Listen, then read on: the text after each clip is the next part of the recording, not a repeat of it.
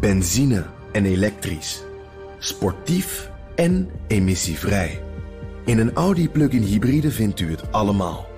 Ervaar de A6, Q5, Q7 en Q8 standaard met quattro vierwielaandrijving.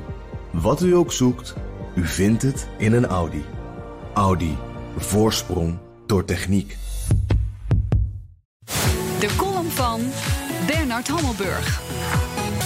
Met uitzondering van geld is er waarschijnlijk niets waarop Amerikanen zo gek zijn als geweld. Beruchte schurken als Billy the Kid, Bonnie en Clyde, Butch Cassidy en de Sundance Kid, Al Capone, ze werden stuk voor stuk cultfiguren. De hoofdrol van John Wayne tot Quentin Tarantino is altijd weggelegd voor het meest geromantiseerde en begeerde onderdeel, het wapen. Er is ongetwijfeld verband tussen de verliefdheid op wapens en de massa schietpartijen waarvan er meer plaatsvinden dan er dagen in het jaar zijn. Het grondrecht op wapenbezit is de bevestiging van die liefdesverklaring of Zoals Wayne Lapierre, voorzitter van de wapenlobby NRA, National Rifle Association, het zegt: berg je voor de Europese socialisten die ons overnemen. Het bezit van een wapen is synoniem aan vrijheid. Wie aan dat grondrecht komt, ondermijnt in zijn visie de kern van de samenleving. Wij zeggen: de belangrijkste taak van de overheid is de veiligheid van de burger.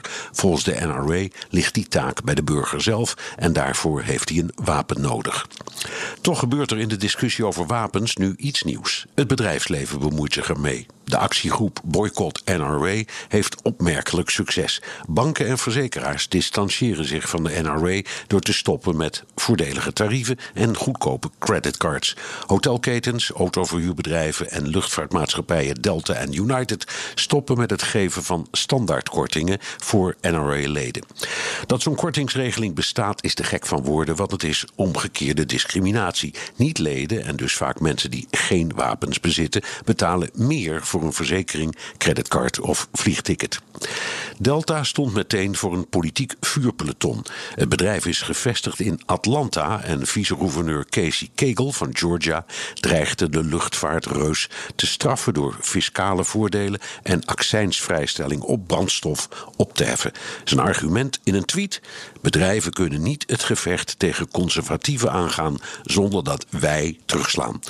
De Senaat van Georgia nam onmiddellijk een motie aan om Delta met 50 miljoen dollar belastingen te straffen. Vooralsnog houden Delta en de andere bedrijven de rug recht. Betekent dat iets? Wel degelijk. Prominente ondernemers die zeggen genoeg is genoeg, daar krijgt Washington een harde dobber aan. Niet zo'n harde dobber dat het wapenbezit wordt verboden of dat de hartstocht voor wapens dooft, maar het is een begin. En dat zei Bernard Hammelburg in zijn wekelijkse column. En die kunt u teruglezen en luisteren op bnr.nl en in de BNR-app. Benzine en elektrisch.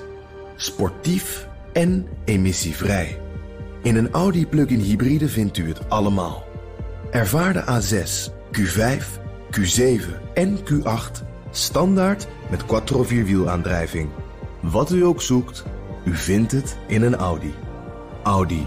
Voorsprong door techniek.